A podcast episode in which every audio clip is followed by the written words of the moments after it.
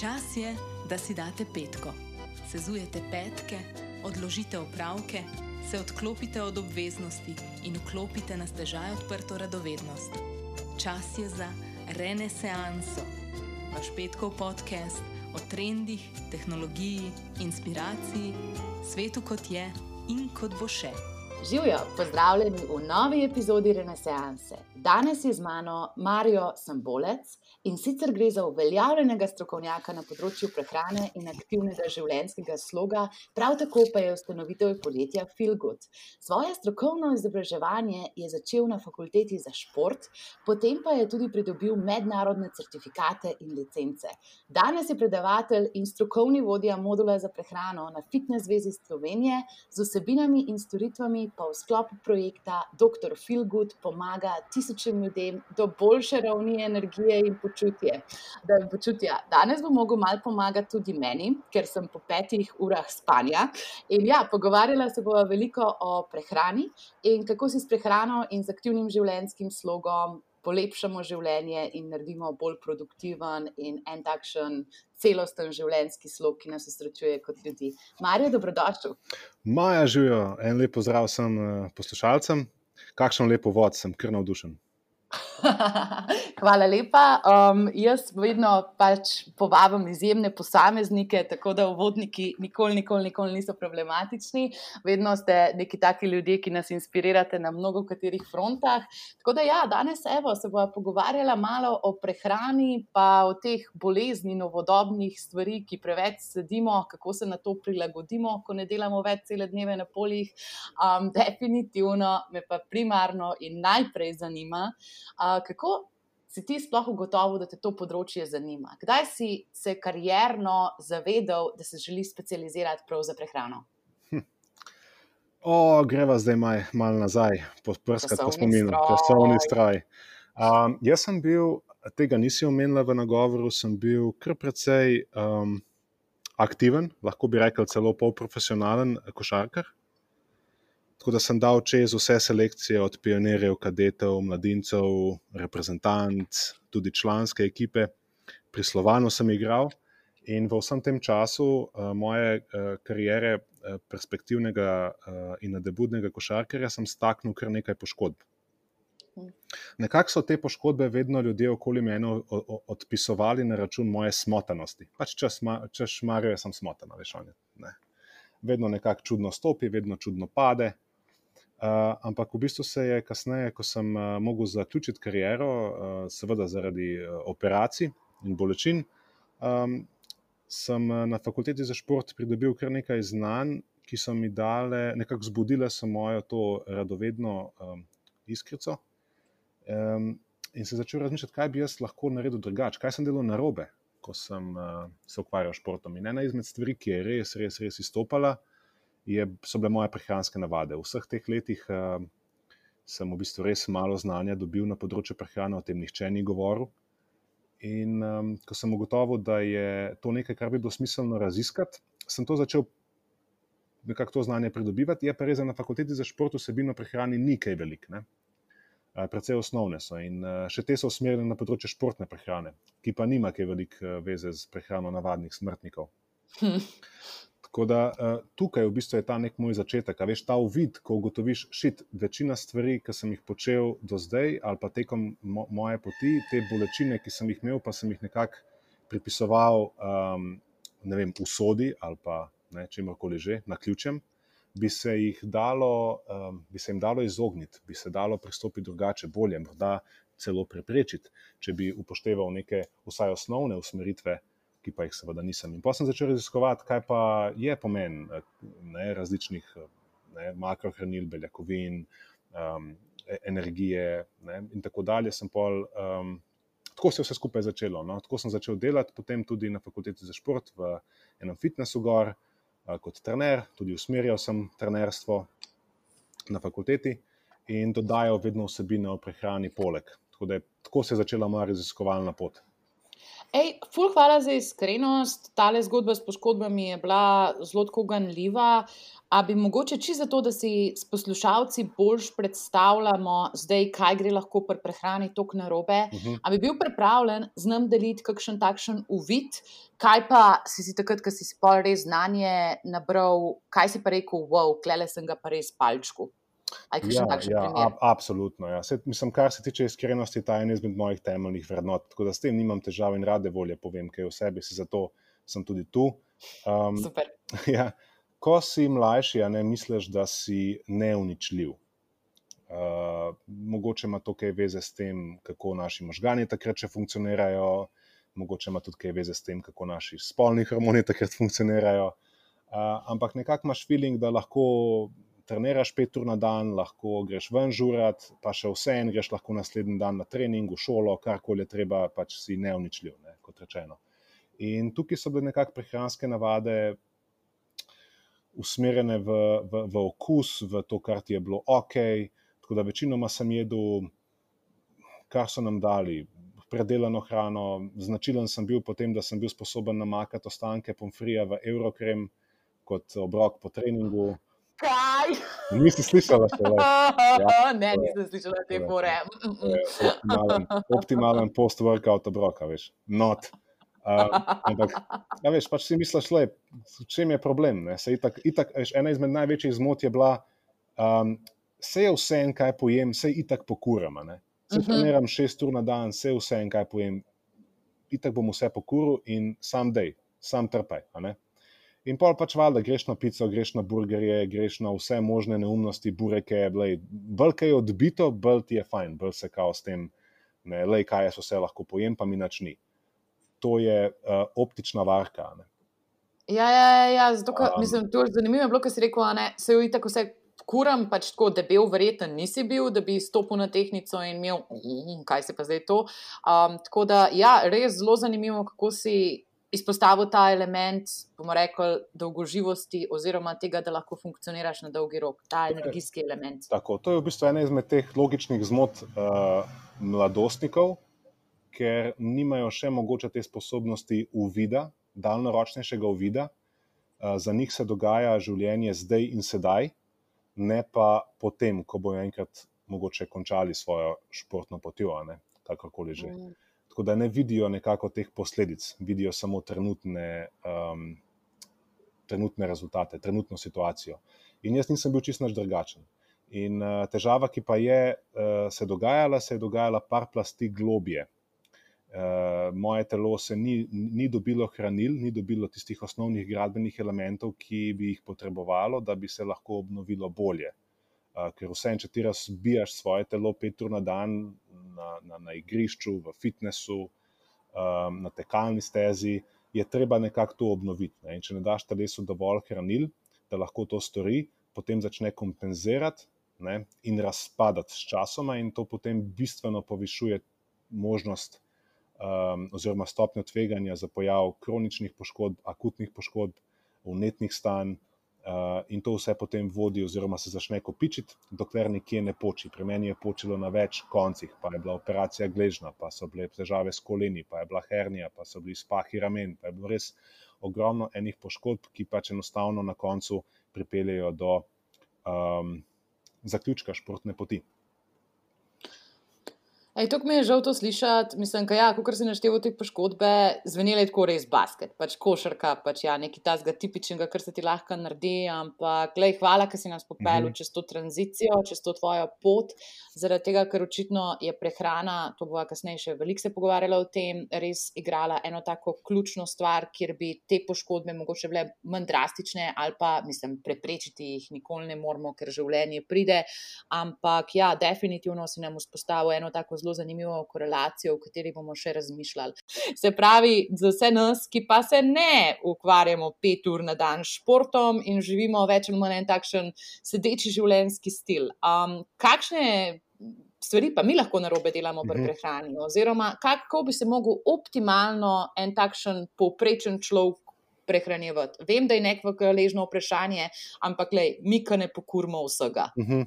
Se v bistvu lahko navežemo, v bistvu, pa naredimo en tak zanimiv prehod iz prehrane športnikov v prehrane za navadne smrtnike. Dosti krat ljudje mislijo, da obstaja um, zelo velika razlika med tema dvema, te, med tema dvema področjama. Ne pa v bistvu ni. No. Uh, lahko si primerjaš, lahko primerjavo naredimo kot eh, med navadnim avtomobilom ali pa med športnim avtomobilom. Uh, oba je treba servisirati, oba je treba tankati.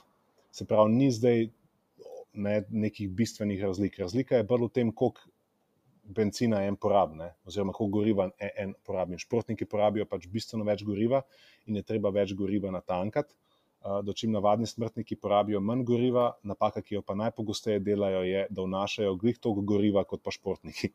In potem se to seveda pozna, ne? zato ker športniki gorivo porabijo, navadni smrtniki ga pa sladiščijo okoli pasu.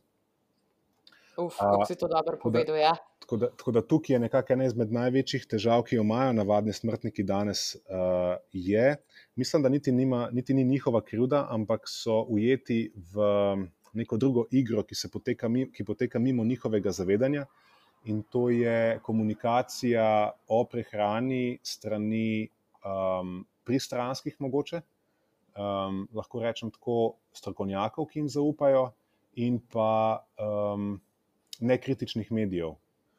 Uh, ki nekako promovirajo neke ideje o prehrani, ki nimajo veze z zdravo prehrano, za res in potem začnejo nekako prehrano, um, zdravo prehrano, mogoče enačiti z zdravimi in nezdravimi živili, ali pa z, um, uh, ne vem, ne smeš jesti, ali pa nekimi arbitrarnimi pravili, da tako rečem. Vem, moraš jesti velik zajtrk, ali pa ne smeš jesti po šesti uri, ali pa ne smeš jesti hidratov, pa beljakovin skupaj, ali pa ne smeš jesti tega, pa tega. A, a, a me razumeš? Na, na ja, totalno te razumem, sam se mi pa malo zrušil svet.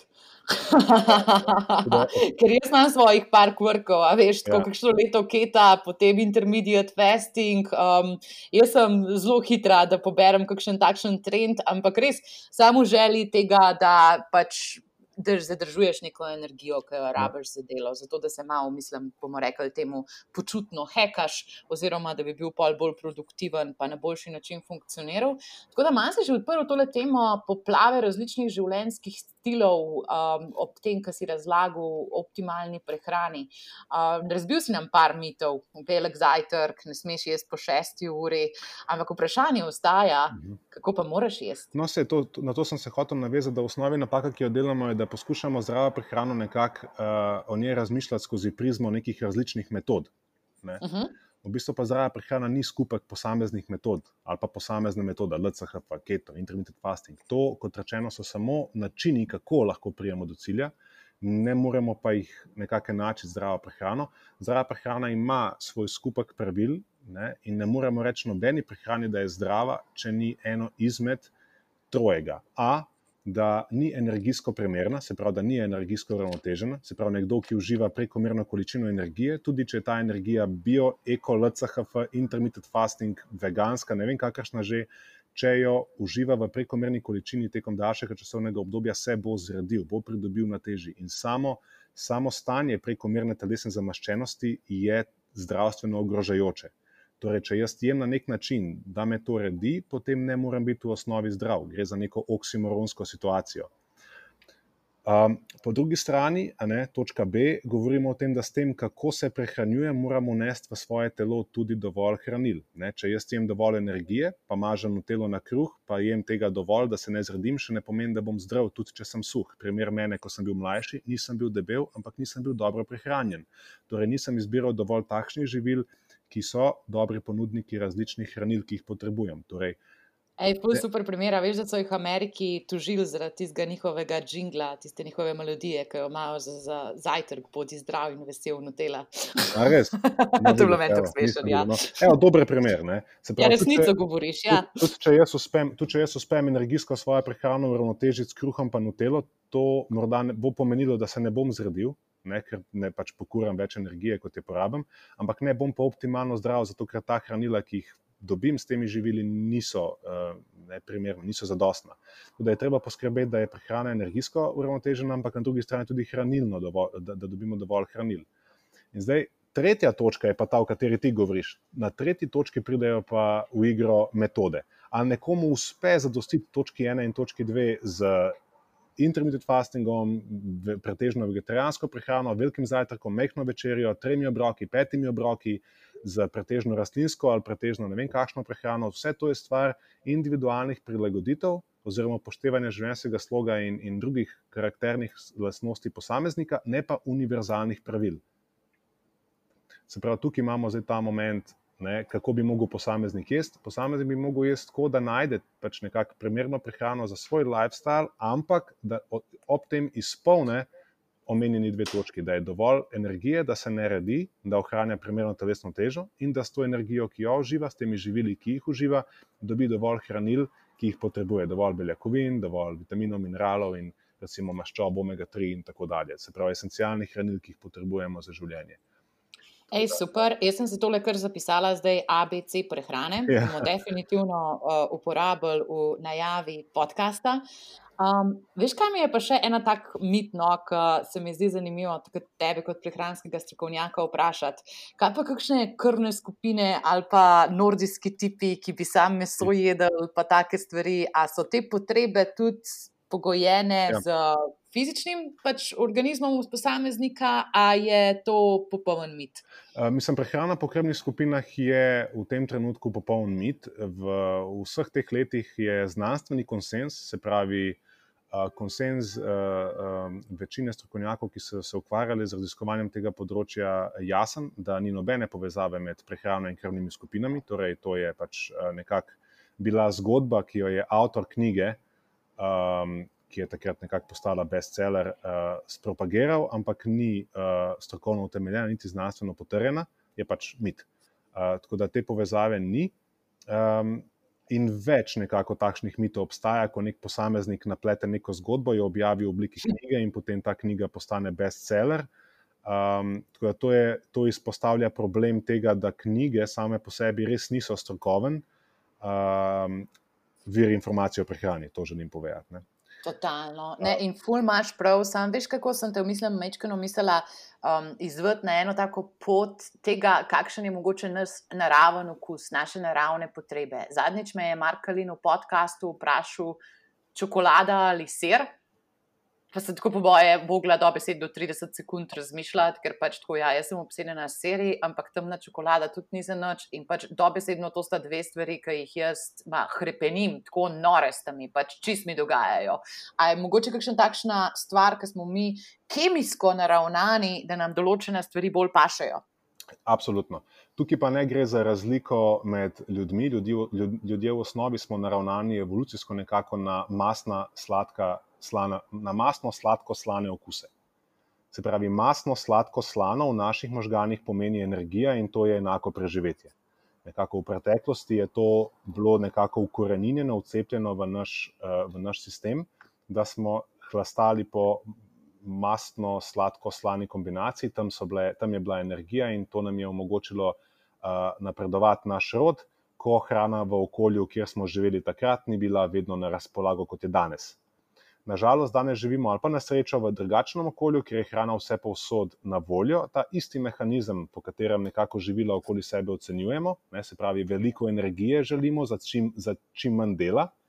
Uh, manifestacija je pa drugačna. Ne. Mastno, slano in sladko včasih je bila, ne vem, mes, masno meso živali, ko smo jo glih enkrat uspeli ujeti, ali pa oreščki, ali pa neke, nek med, ne, ki smo ga uspeli ne, dobiti, se pravi, neka živila naravna v prehrani, v naravi. Danes pa je naravna manifestacija tega čips, pa ču, eh, hm. masten ser, pa eh, čokolada. Se pravi, oboje je isto. Če pogledaš, kaj je ser, gre za mastno, slano, tako savory kombinacijo. Ne? In na drugi strani, če pogledaš, kaj je čokolada, gre za mastno, sladko manifestacijo tvojih osnovnih prvinskih potreb, ki so zapisane v tvojih možganjih. Ne? Tako da nekdo drug bi pa iskal drugačno manifestacijo istih potreb. Nekdo drug bi rekel: Ofak, jaz rabim uh, čips ali pa jaz rabim, uh, ne vem, rogliče. V bistvu gre za ali pa krov ali pa nekaj drugega. Obsedeni smo z različnimi manifestacijami istih mastno, slano, sladkih kombinacij. Tako zanimivo. Kako mi je pa to zanimivo, ko si zdaj razložil, ampak lej, ker nismo samo sužni svojih nagnjen, teh manifestacij. Um, vsi mi, ki smo mogoče med um, karantenco ali pa tako le med poletjem, tudi ki nismo bili tako na morju, kot sicer, pridobili kakšen kilogramček. Um, kako bi se tega utresali, mislim, kako bi se tem našim skušnjavam učinkovitejšo oprli, pa prestali na en takšen bolj, pa rekla temu, vzdržen prehranski režim, ki ga ti zagovarjaš. Zdaj, v prvi vrsti je ena, ena izmed nosnosti, ki je bila verjetno tudi uh, Tjaši, ki me je priporočila, ta, priporočila tebi, a ne en pozdrav Tjaši, če to slučajno posluša. Um, uh, ta, da nisem pristaš nobenega posebnega prehranskega režima, ampak je, kot sem rekel prej, fajn um, najti način, ki nekako ustreza posamezniku. Je pa res, da je treba najti tak način, ki poskrbi za njegove energijske in hranilne potrebe. Pa da zdaj pridem k bistvu tvojega vprašanja. Težava, ki jo imamo, je, da če jemo po feelingu, bo ta feeling, oziroma po okusu, bo ta okus nekako vedno gravitiral k tem ne, izbiram, o katerih smo govorili prej. Uh, okusno nam je, če je pač malo bolj masno, malo bolj slano, malo bolj sladko, se pravi, malo bolj energijsko bogato. Tako da, če se prepustimo temu, potem bomo vedno težko splavali nekako na površje ali pa povzdignjen glavo nad gladino. Um, tako da treba bo najti nek, ne, nek način, da takšna živila, s katerimi vemo, da imamo problem, da nekako si uredimo okolje na način, da niso vse posod okoli nas.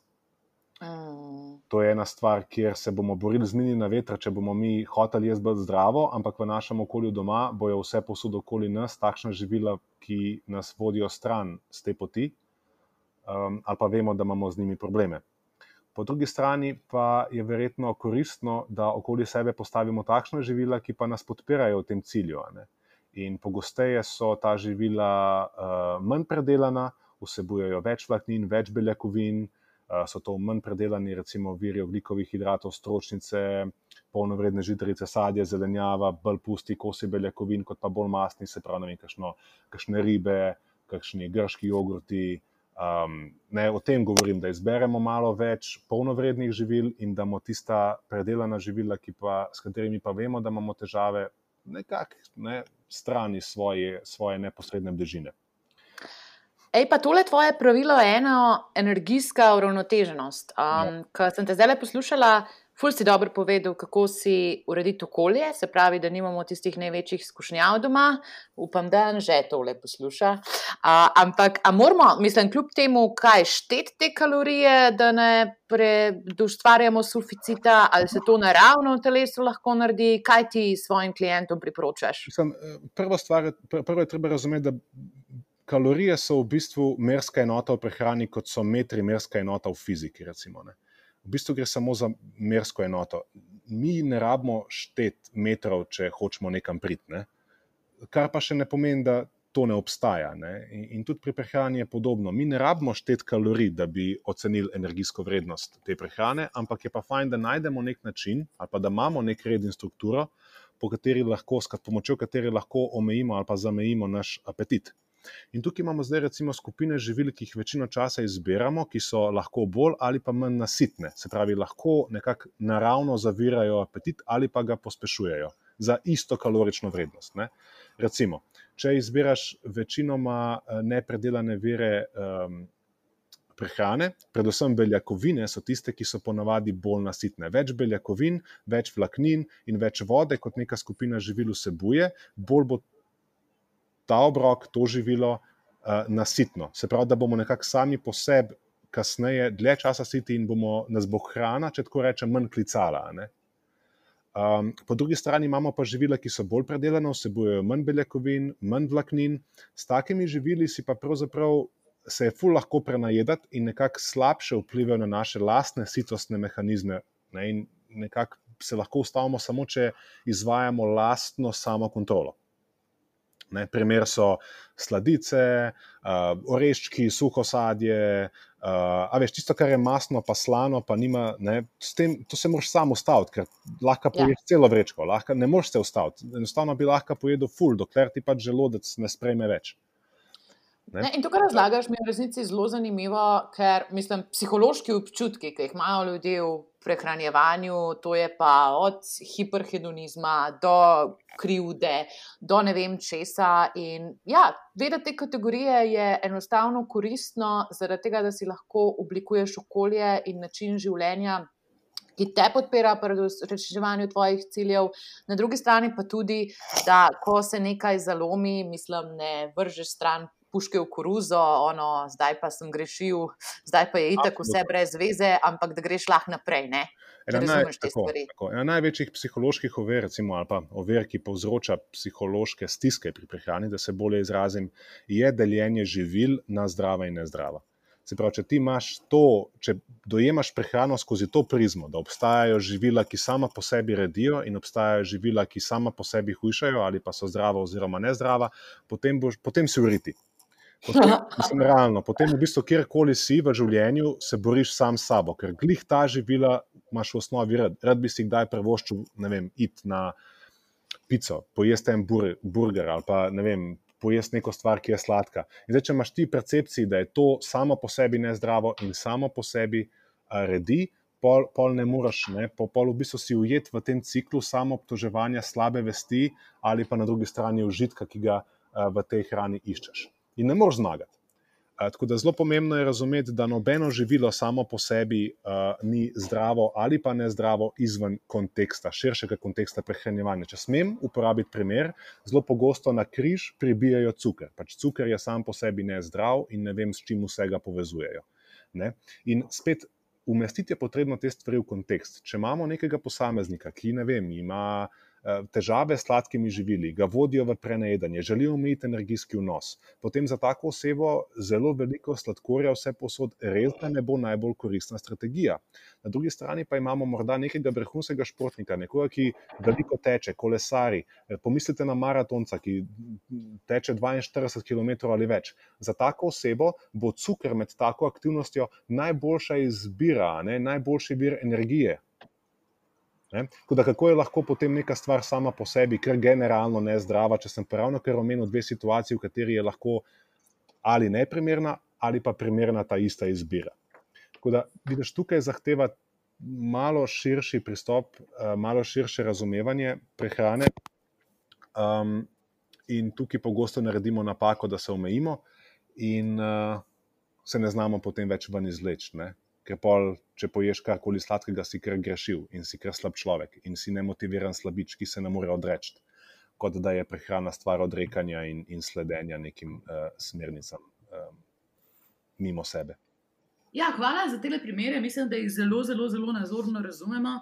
Po drugi strani se mi pa zdi, tudi, da človek po vseh teh letih življenja sam sabo, da se tudi malo pozna, kje so te njegovi sprožilci, po kakšni hrani se on ali ona dobro počuti. Naprimer, jaz sem obsedena z beljakovinami in danes imam mal deficit spanja, bom siguren cel dan na beljakovinah, zaradi tega, ker je to edina stvar edina stvar, poleg kave, ki me bo držala po koncu, uh -huh. za mhm. katero sem že tisočkrat sprobala, da vem, da se bom danes uspešno pregurala čez dan, da to naredim.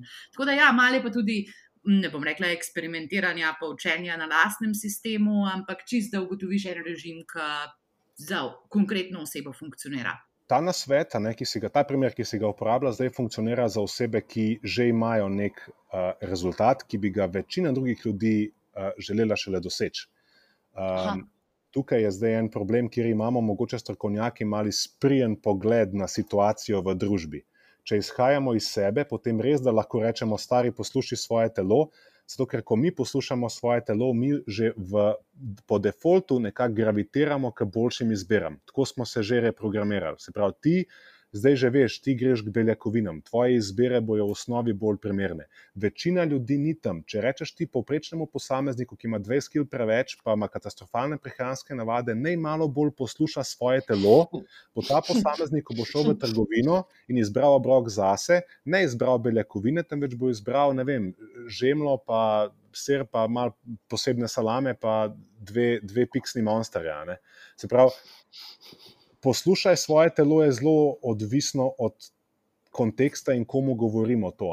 Ali ta posameznik že, ob, že, že ima vsaj približek osvojenih navad, ki podpirajo njegove zdrav, njegovo zdravje, ali pa je nekdo, ki je trenutno še vedno nek poskusni zajček, ali pa ga, drži, ali ga pa držijo v primežu njegove uh, preomenjene, reprogramirane neke. Uh, težnje po masni slanih eh, hranja ali pa sladkih. Tako da veš, o čem govorim zdaj. Ne? Totalno vem, o čem govoriš in ti moram takoj dati repliko, da na ta način govorijo o stvarih samo ljudje, ki se absolutno spoznajo na to, kaj delajo, ker vejo, kakšne so stopne, vejo, koliko je tukaj relativizma in tukaj pa res mislim in tvoje predavateljske izkušnje in pač vse praktične izkušnje, ki jih imaš z ljudmi, pokažejo na tvojo širino in razumevanje celega spektra, se pravi, ne na hitre recepte, deli to, deli uno, ampak res si nam zdaj na primeru fantastično uprizoril tvoj holističen pristop. Ja, Maja, koliko si prijazna. No? Ne, če mi je, mi je nevrjetno, veš, kaj jaz pač tudi svetujem, mislim, podjetjem. In ja, vsak ti lahko reče, kaj njemu funkcionira, oziroma njej funkcionira, kaj misli, da se skladno s trendi zdaj lahko naredi, ampak da dobiš ta individualen pristop, pa res, res poglobiš osebo, posameznika v konkretno situacijo, pa terja mečkano zdrave pameti, prvi strani, pa kilometrine na drugi. Zdaj. Če smem samo dodati še eno majhno pombo pri tem, na tej točki, ki se mi zdi pomembna za tiste, ki to poslušajo. Ljudje smo pristranski do svojih izbir in smo jih pripravljeni zagovarjati, če tudi nas vodijo v napačno smer. Bom uporabil par primerov iz prakse. A veš, koliko ljudi je prišlo k meni, ki bi bili v neki dani situaciji, ko so se odločili za neko metodo prehransko, naprimer veganstvo, intermittent fasting, LCHF, carnivore dieto. Ne? V tisti situaciji bi bili pripravljeni odrezati si mali prst, da je to njim funkcionira. Oni se sam dobro počutijo. Ej, stari, jaz sem zdaj na tej dieti, meni je sam dober. Meni to zdaj funkcionira. Jaz poslušam svoje telo in moje telo meni pravi, da je to zdaj ok. Ne? V osnovi, če se za nekaj odločimo, imam, imamo neko to pristransko tendenco to nekako zagovarjati ali pa iskati pozitivne učinke tega, zato ker smo se v osnovi mi odločili za to ne? in želimo potrditi to izbiro. In zelo pogosto se zgodi, da nismo dovolj kritični pri realnem ocenjevanju učinkov na naše zdravje. In pol, kar se zelo pogosto v praksi zgodi, da če pustimo tega posameznika na tem istem um, načinu prehranjevanja daljše časovno obdobje, naprimer nekaj let, ali pa včasih je dovolj že nekaj mesecev, potem hitro ugotovimo, da začne propadati, ampak dosti krat si ti ljudje sploh ne priznajo tega, da jim gre na slabše. Ker primerjajo samo s tem, kako je bilo včeraj. Ne? Če ni slabše kot včeraj, potem je še vedno ok. Da, veš, tukaj se lahko ujamemo ta svoj cikl. In, in dosti krat ljudje potem tudi iščejo, da jaz sem zdaj vegan ali pa jaz sem zdaj LCHF, že dve leti pa mi je ok. Ljudje ne moremo ocenjevati primernosti prehranskega pristopa na osnovi nekaj let svojega lastnega življenja. Ali je prehranski pristop dejansko zdrav, to lahko pričajo naše generacije. Če sem jaz dovolj ploden, da lahko nadaljujem svoj rod v naslednjo generacijo, pa so potem moji otroci na tej isti prehrani dovolj plodni in zdravi, da lahko zopet nadaljujejo svojo generacijo, potem lahko šele govorimo o tem, da je ta prehranski pristop realno lahko zdrav. Ej, zanimivo, zaradi tega, ker si zdaj le pojasnil princip. Um, se to sploh ne more v roku ene generacije ugotoviti. Absolutno. Ampak kako pa kot nekdo veš, mislim, ali to delaš, kakšno kridati, pa analizo delati, ali pa karkoli tasga, kako lahko indiciraš, da nekaj ni primerno. V časovnem razdobju, ko lahko na to še vplivaš. Eh, ljudje smo zelo um, trdožive mašine, nagnjeni smo k preživetju. In, in možgane to v osnovi najbolj zanima in bojo pripravljeni žrtvovati marsikaj, zato da mi lahko preživimo v veliki meri bojo pripravljeni žrtvovati tudi sposobnost reprodukcije ali pa mišično-skeletnega zdravja ali pa zdravja nekaterih drugih telesnih sistemov, samo zato, da lahko preživimo. Ampak to še ne pomeni, da smo optimalno zdravi. In na zdravje lahko nekako lahko ocenimo, glede na pomankanje v prehrani, recimo to je nekaj, kar lahko naredimo, lahko analizo krvne slike, lahko ugotovimo, ali je vem, dovolj vitamina D, ali je dovolj železa, feritina, kakšno je stanje kolesterola, ali obstajajo določena pomankanja. Iz tega lahko primerno usposobljen posameznik ugotovi, ali ta način prehrane, na katerem je nekdo, omogoča dolgoročno zdravje ali ne. Ker če ti v prehrano ne vključuješ dovolj hranil, za katera na osnovi, recimo, strokovne literature, vemo, da so pomembna za omogočanje dolgoživosti, ti pa se jim dolgoročno odrekaš, potem morda v tem trenutku še nimaš diagnosticiranih pomankanj, kar pa še ne pomeni, da se to ne bo zgodilo na dolgi rok, ali pa da že ne trpiš določenih posledic zaradi teh pomankanj. Zdaj, da si se malo zasekirala, veš, da bi mogla jaz kakšno kridati, pa kaj tasga. Ma ne, mislim, da jaz nisem kakšen takšen ekstrem, ampak ja, če za voljo, mislim, produktivnosti in tega, da imam občutek, da lahko pač te svoje delovne izzive z eno zadostno mero energije pre enostavno preživim čez dan, pa sem si naredila določene redukcije. Tako da, lej, zakaj pa ne, pač kri se gledati enkrat in pol lahko vidiš, kaj je na tem. Tako da, da, le pogovor je definitivno koristen.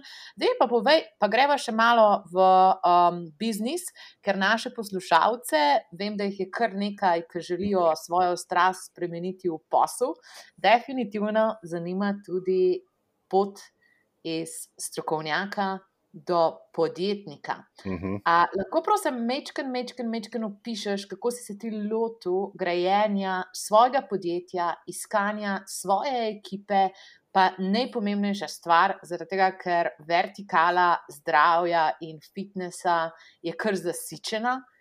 Vi ste pa se uspeli res lepo nišno pozicionirati, kako ste ugotovili, da je tam vaš modri ocean, se pravi ta mhm. priložnost, ki boste posvetili podjetniško pot? Kot prvo, prebereš to knjigo, kot sem jo tudi jaz, ne? se pravi, Blue Ocean, Red Ocean. Ja, ja, ja, ja, ja, dobro. dobro. Prvo, recimo, tako bi se lahko začel. Uh, moja pot se je začela tako, da sem kot um, trener, osebni trener, takrat še na fakulteti za šport, um, opazoval trend samo zvedal sem bil. Takrat nekako ni bilo socialnih medijev v takšni meri prisotnih, ni bilo Instagrama, ni bilo Facebooka, kar je pomenilo, da si bistveno več časa preživel v družbi z dvignjeno glavo. Mm. Pomeni, da, bil, da sem bil bolj, bolj sem bil um, pripravljen. Ali pa v situaciji, mi bilo, kjer mi je bilo to omogočeno, opazovati ljudi okoli sebe. Ne.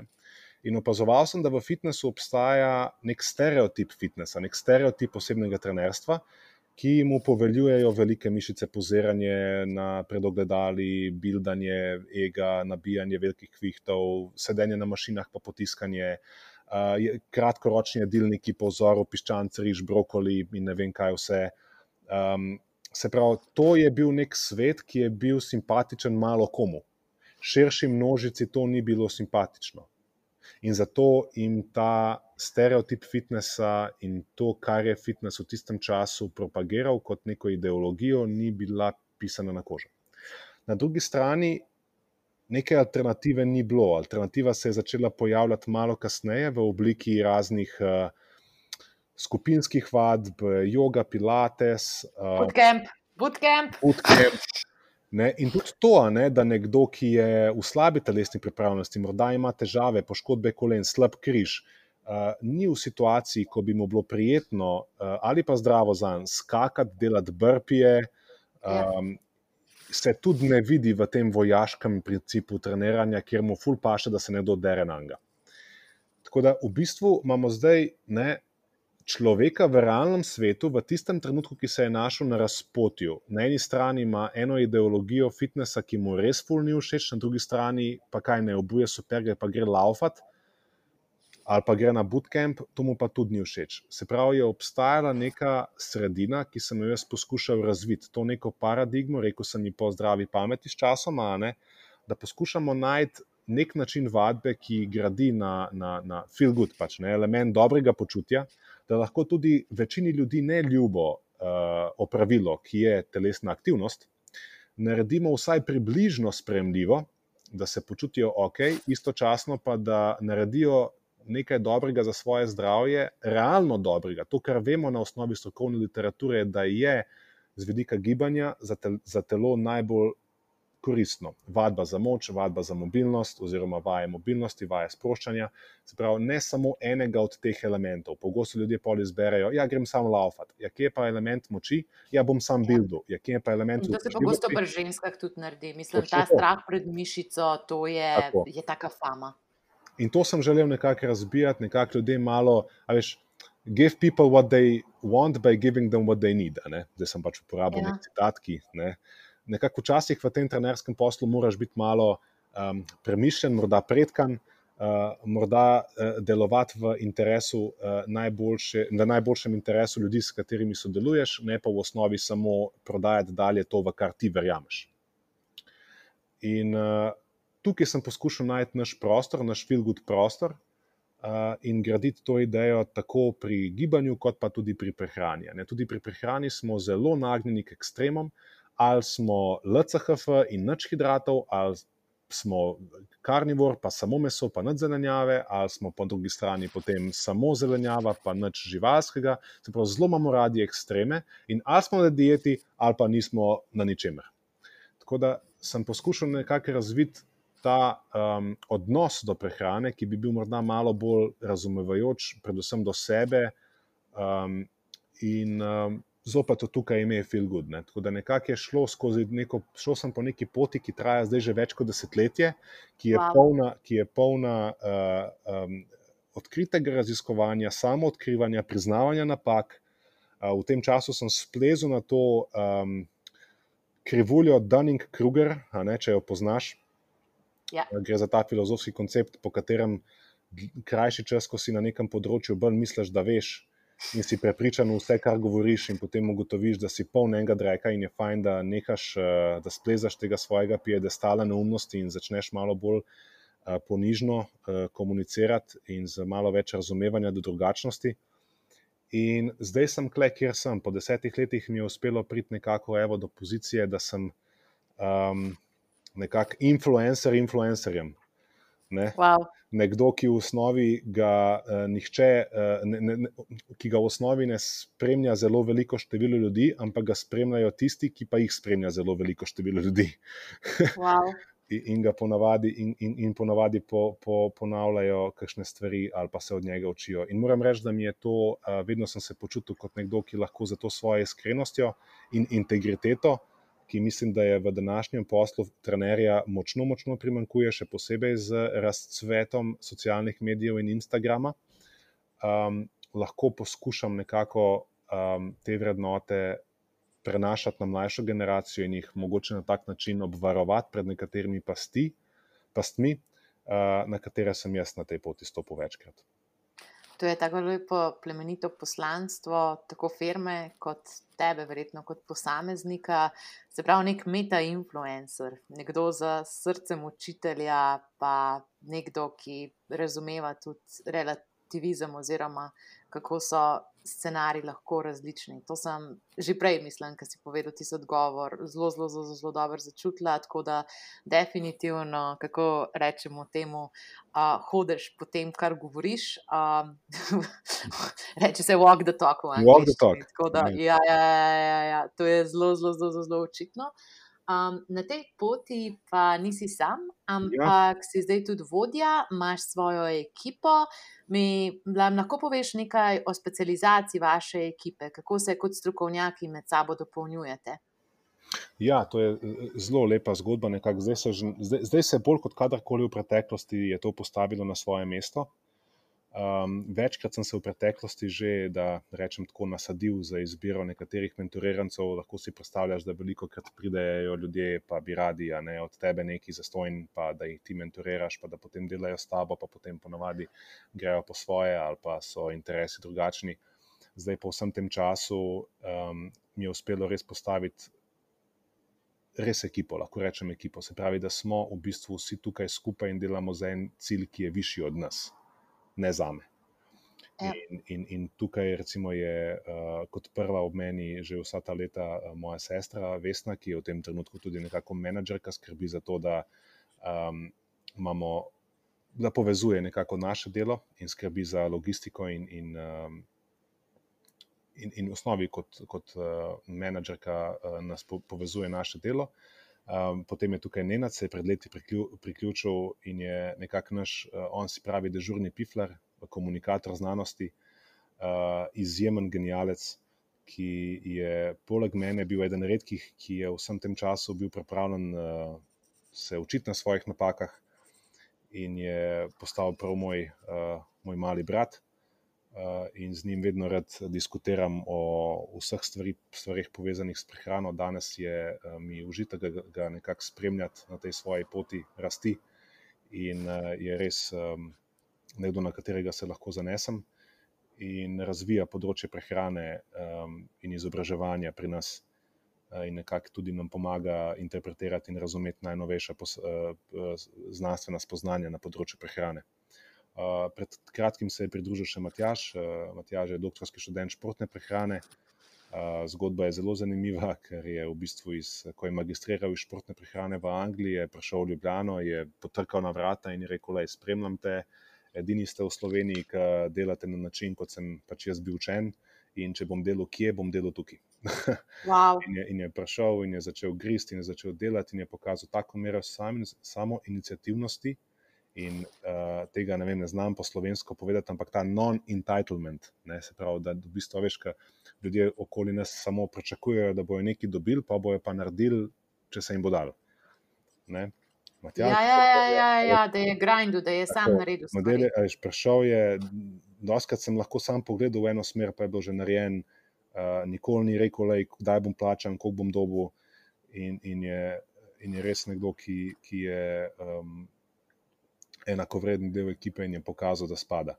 Tako da imamo res zelo močno, zelo močno, močno jedro, um, na katerega sem zelo ponosen in, in, in res, uh, vedno, kadar govorim in mislim na svojo ekipo, postanem uh, ganjen in čustven in hvaležen.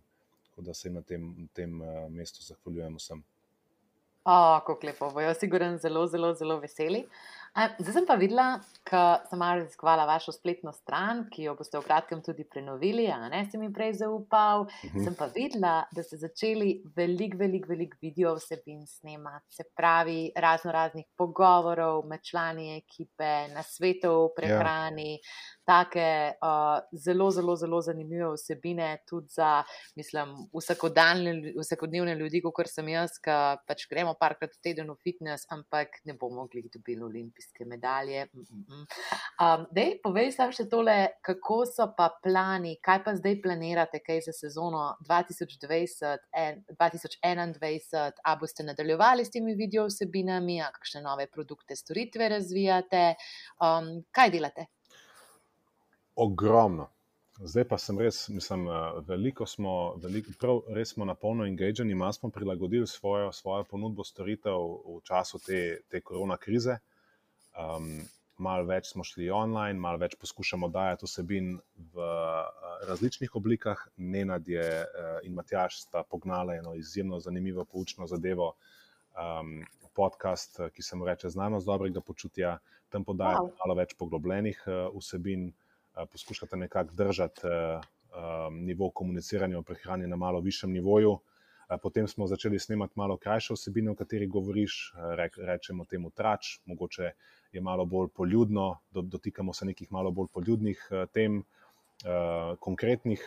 Potem, seveda, smo prisotni na socialnih mrežah, nekako to vse čas dajemo, vse čas smo prisotni, to delamo za stojn ne, in nekako nam je pomembno, da imamo stik z ljudmi in ohranjamo stik z, z, z, z ljudmi, ki živijo nekako v realnem svetu in imajo svoje probleme. In mi je fajn, da imajo vedno nek verodostojen vir informacij, na katere se lahko zanesejo.